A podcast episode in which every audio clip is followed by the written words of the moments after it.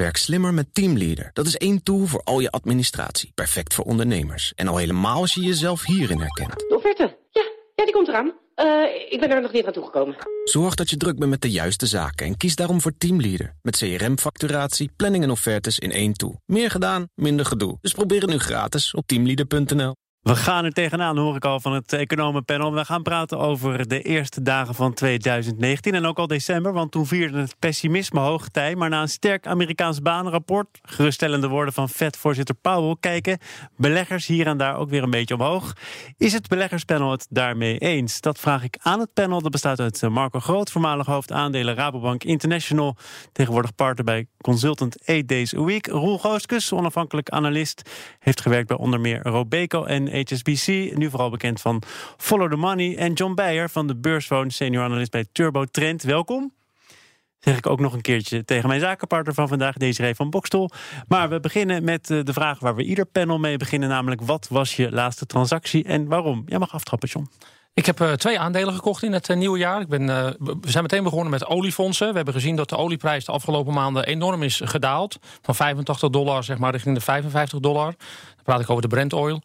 En we denken dat Shell, die momenteel rond de 26,50 euro noteert... nog steeds een mooi dividend, dat dat niet mag ontbreken in je portefeuille. Dus dat hebben we gekocht. Zekerheidje toch, wordt door veel beleggers gezegd. Ja, zeker, absoluut. Dat hebben we ook ingebouwd. En daarnaast hebben we speculatief Fugro gekocht. Ook een oliefonds. Recent ook keihard onderuit gegaan, omdat er toch een klein beetje angst in de markt is... dat er een emissie zou aankomen...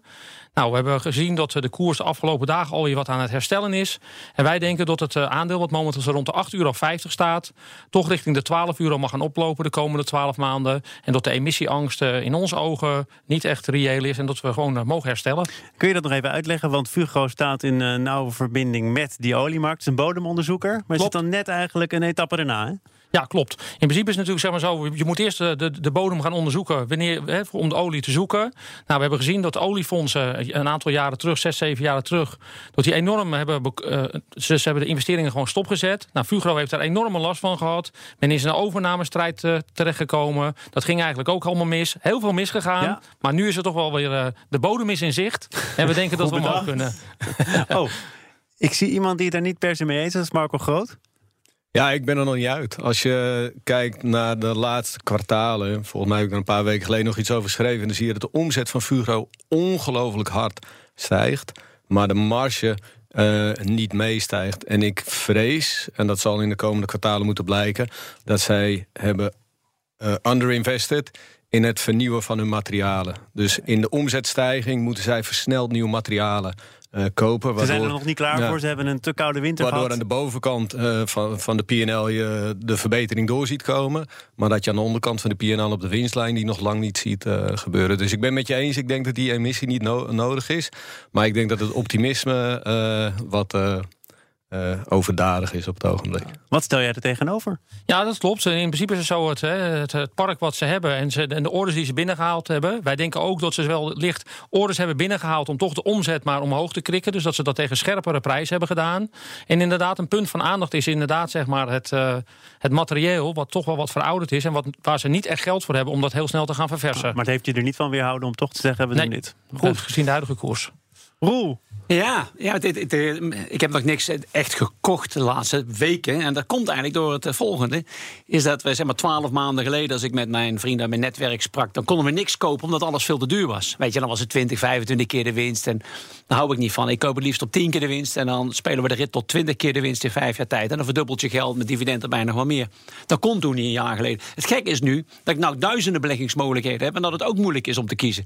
Dus het is, als ik niks gekozen heb, is het niet omdat het te duur is nu. Maar het is allemaal zo goedkoop dat ik nog op zoek ben naar de, de ultieme. Kijk, Fugro op 8 euro, die hebben ook 64 gestaan. Die hebben bijna geen verwatering gehad in nieuwe aandelen. Dus je zou zeggen, zeggen, die kan voor achtvoudig als je ooit terug gaat naar zijn oude koersniveau. Maar zo zijn er honderden aandelen. Dat maakt het wel doen. Dat maakt deze markt zo aantrekkelijk. Maar gaat het wel doen? Het is Tuurlijk niet zo dat je doen. Kijk de bodem je... van de markt. En, maar de grote vraag zijn we de bodem van de markt. Dan weer de termen te blijven van Fugro. Ja, zijn we de dat bodem. weet je nooit. Ja. Dat is tot een Ja. vraag Maar dat hoeft ook niet. Kijk, als belegger hoef je niet, uh, uh, zeg maar, ik noem het maar maximaal te beleggen. Je moet suboptimaal beleggen. Je moet dicht bij de bodem kopen en dicht bij de top verkopen. Dus je hoeft niet op die bodem te kopen. Daar is allemaal nergens voor nodig. Als je de dips die af en toe komen in die markt gebruikt om bij te kopen. En af en toe de overdrijving, zoals in 2000 of misschien een beetje tot maart vorig jaar hier in de beurs, om wat af te stoten. Goed. Maar alles eromheen is eigenlijk blur, zeg ik, weet je, beleggen. Je moet, eh, de, de waarde van de onderneming is de contante waarde van zijn kaststroom. En die wordt bepaald door de kaststroom. En door de contante waardemaking die je doet met de rente. Dus als de rente omhoog gaat, gaan aandelen naar beneden. En als de kaststromen gaan dalen, gaan aandelen naar beneden. Dus als je recessie zou krijgen, dan kunnen we aandelen altijd naar beneden. Gaat de rente heel hard omhoog, veel harder dan mensen nu verwachten. Dan gaan de, beurs ook naar beneden. Ik begrijp dat jij op dit moment verlekkerd aan het kijken bent naar wat er Ja. allemaal voorbij komt. En waar je eventueel kunt zeggen, ik eh, ga eens een poging wagen. Het lijkt maar je hebt toch neem ik aan wel ergens in je hoofd al een selectie gemaakt? Of is het op dit moment gewoon de vraag Maar, eh, wat je gaat doen? Maar het zijn er zoveel. Nou, Maar ik eerst niet kon kiezen wat ik moest gaan verkopen, is het nu andersom. Het, is, het, zijn honderden aandelen die, waarvan ik denk dat die wel zouden kunnen verdubbelen of vervijfvoudigen. Honderden aandelen, en die hou je Honderden- allemaal in de gaten. Alle honderd aandelen. En ja, het zijn sectoren vaak. Hè, weet je. Het zijn, het is niet als een aandeel naar beneden gaat. Als Fugro naar beneden gaat, dan zijn er in die sector nog tien aandelen die je kunnen vertienvoudigen. En ik moet er één zoeken met de beste risico-rendementverhouding die niet kan dalen. Kijk, Fugro heeft als nadeel.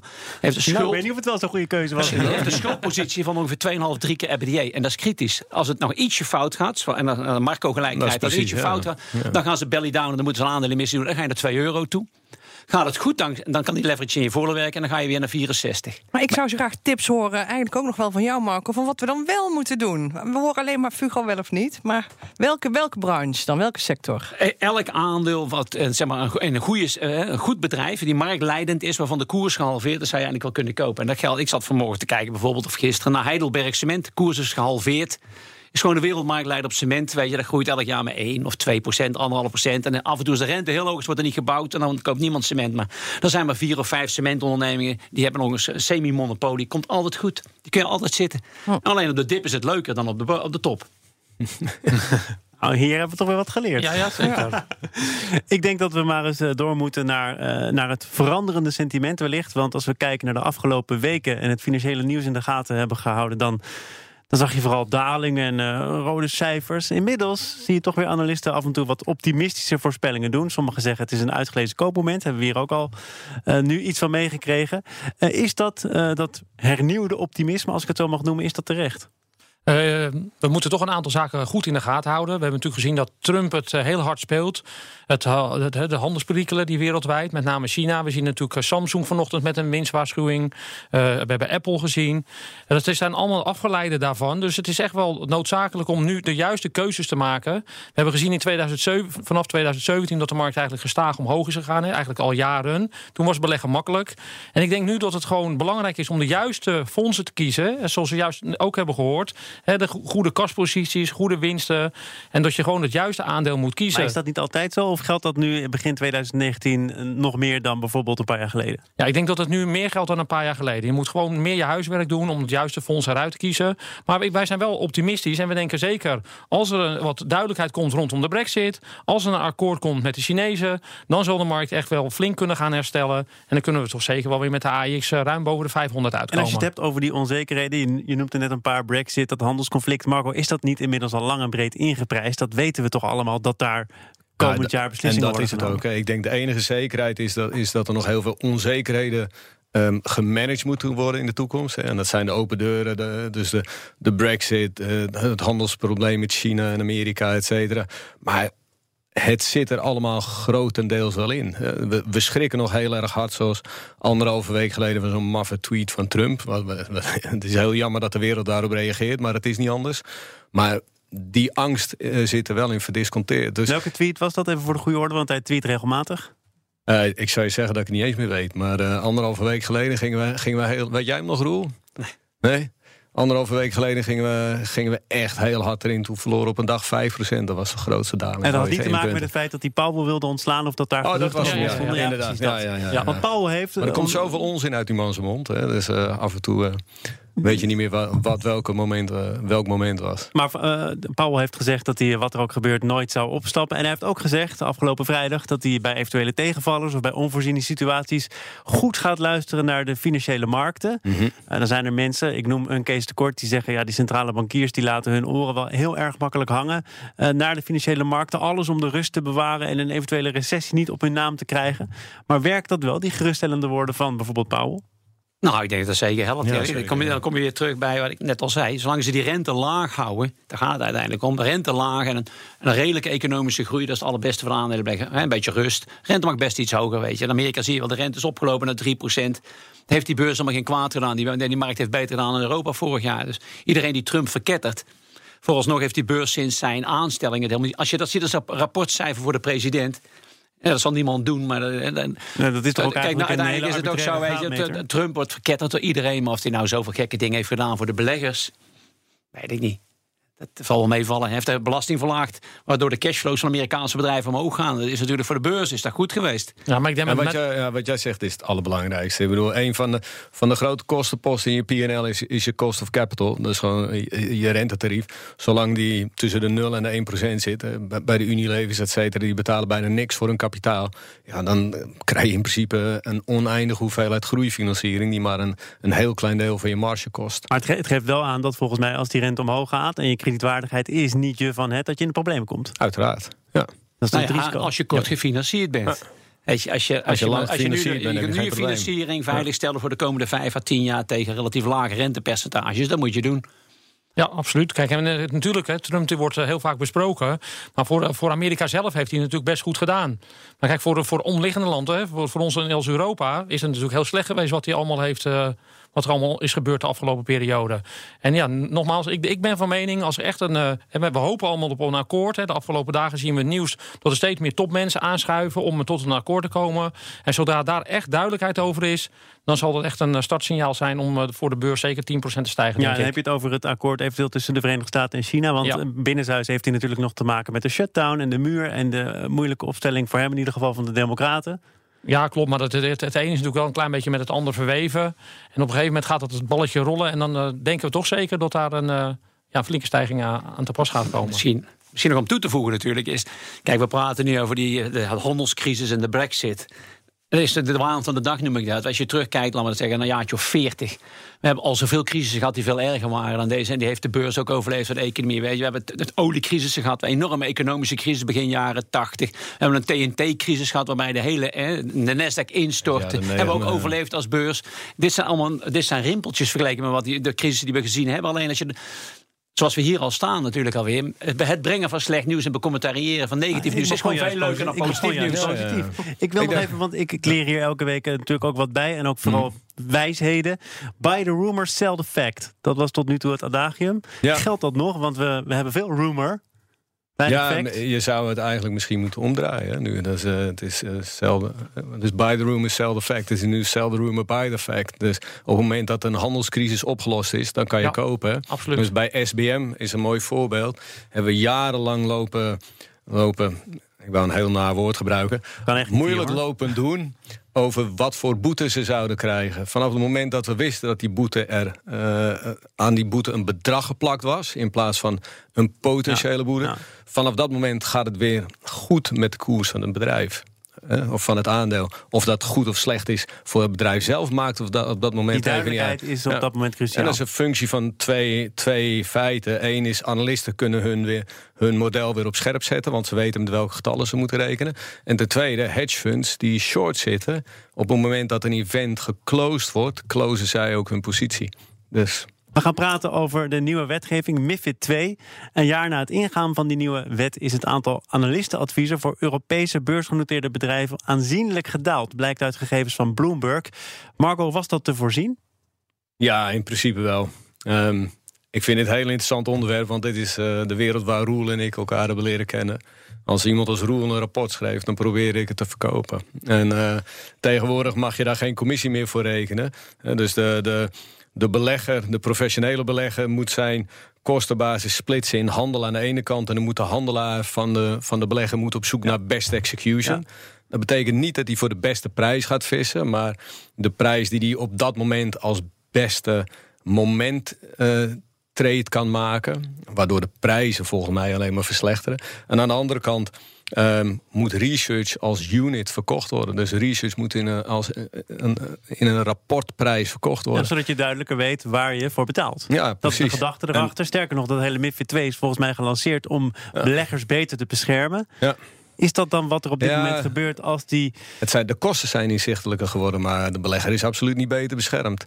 Als de, als de handelaar van, van jouw pensioenfonds eh, een order moet uitvoeren, dan gaat hij op zoek naar de beste prijs op die dag, omdat die handelaar daarvoor uitgerekend wordt. Terwijl het best kan zijn dat als hij over een paar dagen zijn ticket uitspreidt, dat hij blokjes Ja. voor een betere prijs kan binnenvissen. Alleen volgens MIFID is zijn prijs dan niet beter, want die wordt afgerekend tegen het moment van de dag. En aan de andere kant, de research wordt daardoor volledig, echt volledig uitgekleed. Research volledig uitgekleed, Roel? Nou, ik vind het op zich wel een aantrekkelijke gedachte natuurlijk. Want ik ben zelf ook analist geweest. Maar kijk, iedereen zei vroeger altijd bij ons... als je mij werkte, mijn collega's of mensen in dienst nam... die vonden zichzelf al de hele goede analist. Maar dat kon je nooit berekenen. Nou moeten ze zichzelf verkopen. Dat is eigenlijk wel het aantrekkelijke van het hele model. Dat als jouw research niet gewaardeerd wordt... dus dat er, eh, alle klanten over de hele wereld zeggen... die, die, eh, die research van meneer Gooskes hoef ik niet. Dat betaal ik niet voor. Maar van zijn collega, daar betaal ik graag 100.000 per jaar voor. Dan kunnen ze mij ontslaan. En terecht natuurlijk, want niemand wil mij. Dat is het aantrekkelijke van het model. Het nadeel van het model is gewoon is dat die beleggers op zich geen budget hebben voor research in te kopen. Dat is eigenlijk nooit gehad vroeger. Dus wat ze? Ze proberen zo goedkoop mogelijk. Dus ze gaan bij een beperkt aantal brokers gaan ze research ophalen. Maar wat zij denken dat het beste is. Maar ik denk dat over het algemeen wie de goedkoopste is. Ja. En dan komen ze toch uit bij. En dan moeten ze voor elk land moeten ze iemand hebben, hè, een lokale broker. Dus ze kopen, nemen voor elk land research af van één lokale broker. En dan hebben ze vaak in, de- in Londen hebben ze er één zitten, Merrill Lynch of Goldman Sachs. Nemen ze ook de research vanaf. Terwijl ze vroeger het hele palet van iedereen gratis kregen eigenlijk. En je zegt er wordt gewoon keihard en dat wordt hier beaamd geconcurreerd op prijs. Ja, zeker. En dat is natuurlijk best wel een gevaar. Dat, ze- dat, op, dat ze alleen naar de prijs gaan kijken.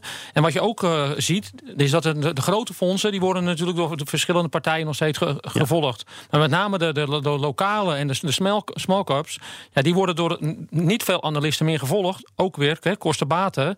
En dat is voor de belegger toch wel een klein beetje negatief. Want Want die, die weet niet meer waar die op moet varen. ja, precies. Nou ja, is, maar is dat eh, uiteindelijk wat wij vroeger hadden, dan vond ik nog veel mooier. Dan ging je naar de analistenbijeenkomst van BAM Holding. Dat noemen wij vroeger een microcap. Dat is nog steeds, hè, dankzij eigen toedoen, nog steeds een microcap. Geworden, hè? Hè, dat, die, die, zorg, die, de directie van Ba- BAM zorgt ervoor dat ze altijd microcap blijven. Het is een groot bouwbedrijf. Maar dat geldt terzijde. Dat heel terzijde.